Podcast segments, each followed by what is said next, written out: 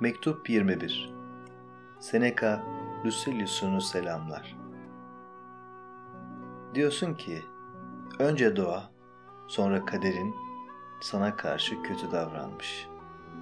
Oysa sen kendi kendini halkın seviyesinden kurtarabilir, insanların erişebileceği en büyük kutuluğa eriştirebilirmişsin.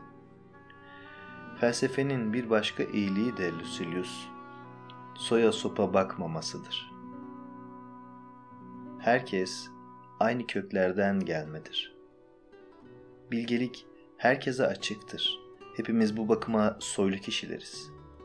Felsefe ne bir kimseyi iter ne de seçer. Herkese parıldar. Sokrates soylu değildi. Kleantes su taşırmış, bahçe sulamaya kiralamış ellerini.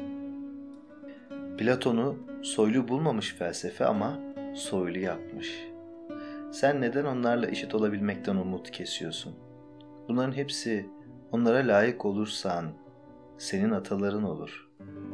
Başlangıçta soylulukta kimsenin senden ileri olmadığına kendi kendine inandırırsan onlara layık da olursun. Hepsinin gerisinde aynı sayıda ata var. Kimsenin kökeni bilinmeyen çağlara kadar gitmez. Platon der ki, hiçbir kral yoktur ki kölelerden gelmiş olmasın. Yine hiçbir köle yoktur ki krallardan gelmiş olmasın.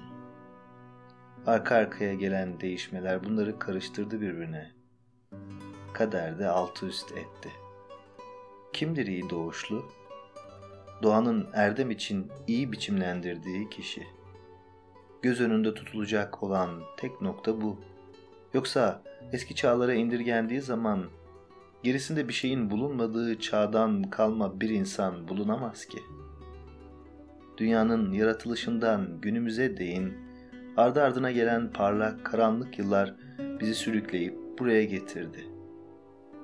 Atalarının heykelcikleriyle dolu bir avlu soylu yapmaz insanı. Hiç kimse bize ün sağlamak için yaşamadı. Bizden önce olup biten şey bize ait değildir. İnsanı soylu yapan ruhudur. Bu ruha hangi koşulda olursa olsun kaderinin üstüne çıkmak için olasılık tanınmıştır. O halde senin bir Romalı atlı değil de bir azatlı olduğunu düşün bir an. Özgür doğuşlu insanlar arasında tek başına özgür olmayı başarabilirsin.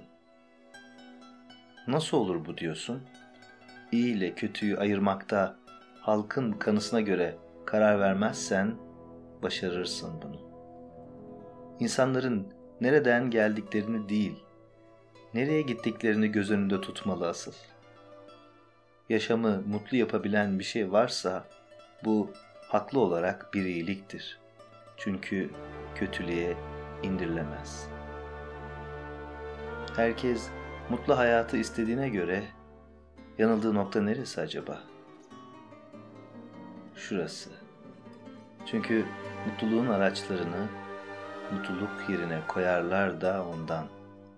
Böylece mutluluğu ararken ondan uzaklaşırlar. Mutlu yaşamın temeli tam bir sükunet, sarsılmaz bir güven olduğu halde kendi kendilerine sıkıntı nedenleri yaratırlar. Kendi başlarına dert açarlar ve hayatın dertlerle yüklü yolunda bu dert yükünü taşımakla kalmazlar sade, sürükleyip götürürlerdi onu. Böylece aradıkları mutluluğa erişmekten uzak düşerler hep.